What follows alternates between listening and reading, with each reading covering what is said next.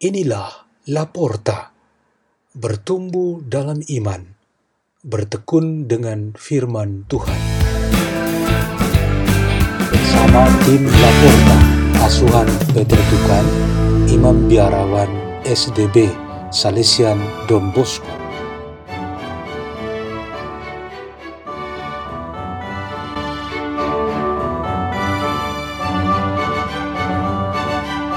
Bacaan-bacaan dan renungan Sabda Tuhan hari Minggu Paskah 4 April 2021.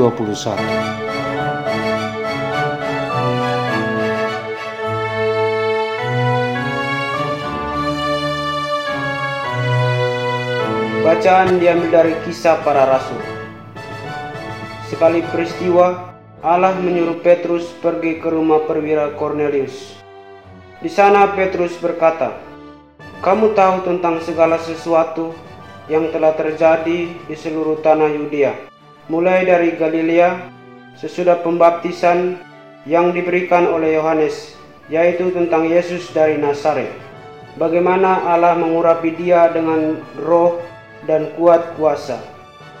Yesus itulah yang berjalan berkeliling sambil berbuat baik dan menyembuhkan semua orang yang dikuasai iblis sebab Allah menyertai dia. Kami adalah saksi dari segala sesuatu yang diperbuat Yesus di tanah Yudea maupun di Yerusalem. Dia telah dibunuh dan digantung pada kayu salib. Tetapi Allah telah membangkitkan dia pada hari yang ketiga, dan Allah berkenan bahwa ia menampakkan diri, bukan kepada seluruh bangsa, tetapi pada saksi-saksi yang sebelumnya telah ditunjukkan oleh Allah, yaitu kepada kami yang telah makan dan minum bersama dengan Dia.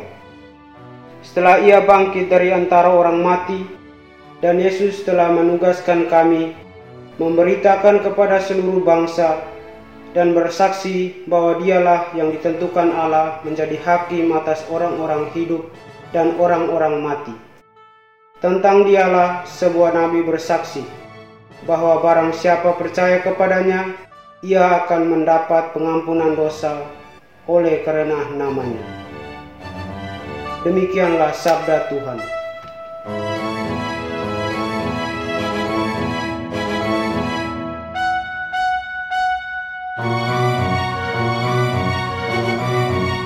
Bacaan diambil dari surat Rasul Paulus kepada jemaat di Kolose. Saudara-saudara, kamu telah dibangkitkan bersama dengan Kristus. Maka carilah perkara yang di atas, di mana Kristus berada, duduk di sebelah kanan Allah. Pikirkanlah perkara yang di atas, bukan yang di bumi. Sebab kamu telah mati dan hidupmu tersembunyi bersama dengan Kristus dalam Allah. Kristuslah hidup kita. Apabila ia menyatakan diri kelak kamu pun akan menyatakan diri bersama dengan dia dalam kemuliaan. Demikianlah sabda Tuhan.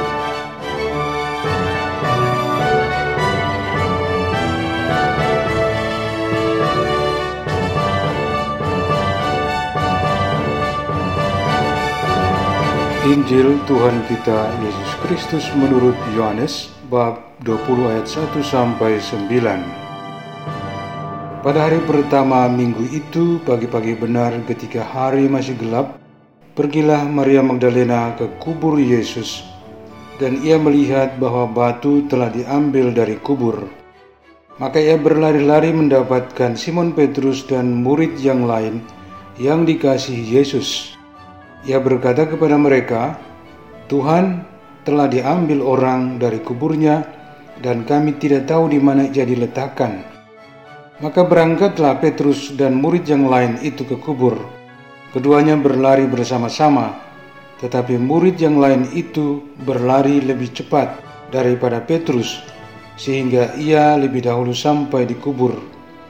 Ia menjenguk ke dalam dan melihat kain kapan tergeletak di tanah, akan tetapi ia tidak masuk ke dalam. Maka tibalah juga Simon Petrus menyusul dia dan masuk ke dalam kubur itu ia melihat kain kapan tergeletak di tanah, sedang kain peluh yang tadinya ada di kepala Yesus tidak tergeletak dekat kain kapan itu, tetapi agak di samping di tempat yang lain dan sudah tergulung. Maka masuklah juga murid yang lain yang lebih dahulu sampai ke kubur itu. Ia melihatnya dan percaya, sebab selama itu mereka belum mengerti isi kitab suci yang mengatakan bahwa ia harus bangkit dari antara orang mati. Demikianlah Injil Tuhan.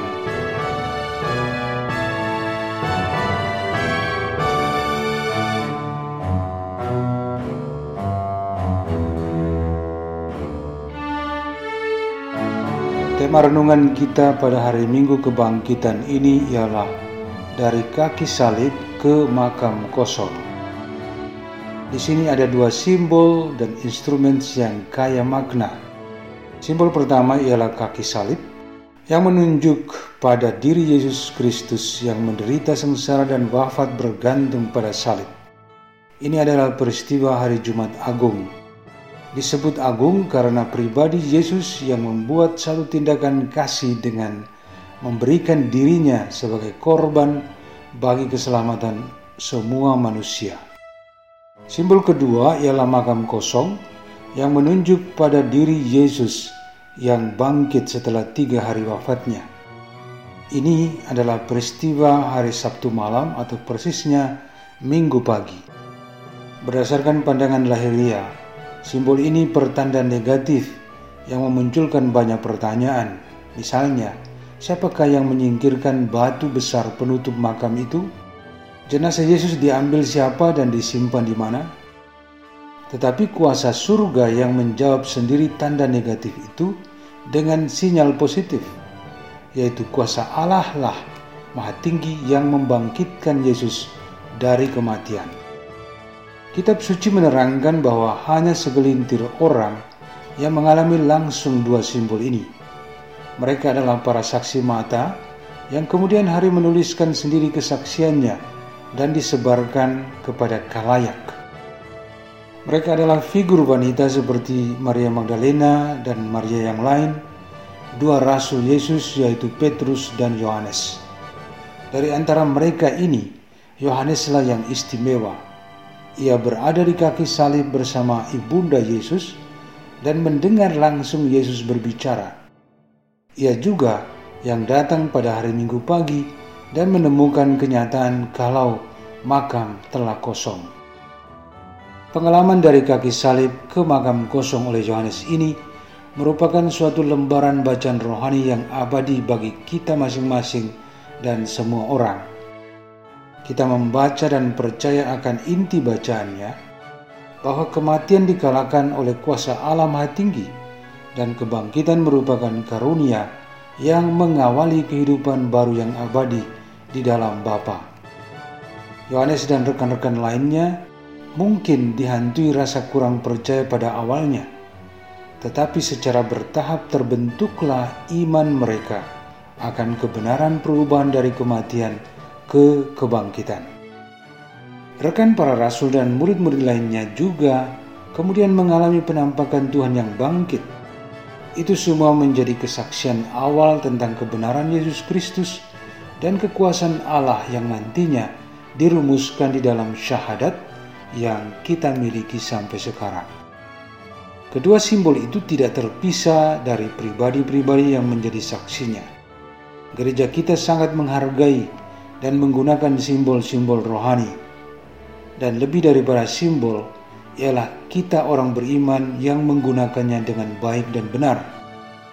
Tidak pernah gereja mengajarkan suatu penyembahan pada simbol-simbol itu, tetapi gereja menghormati simbol-simbol itu karena sangat melekat dengan peristiwa Yesus Kristus dan perkembangan iman Kristiani. Marilah kita berdoa dalam nama Bapa dan Putra dan Roh Kudus. Amin. Ya Yesus Kristus, kami persembahkan terima kasih dan pujian-pujian kami atas rahmat kebangkitanmu. Kemuliaan kepada Bapa dan Putra dan Roh Kudus, seperti pada permulaan sekarang selalu, dan sepanjang segala abad. Amin. Dalam nama Bapa dan Putra dan Roh Kudus. Amin. La Porta. La Porta.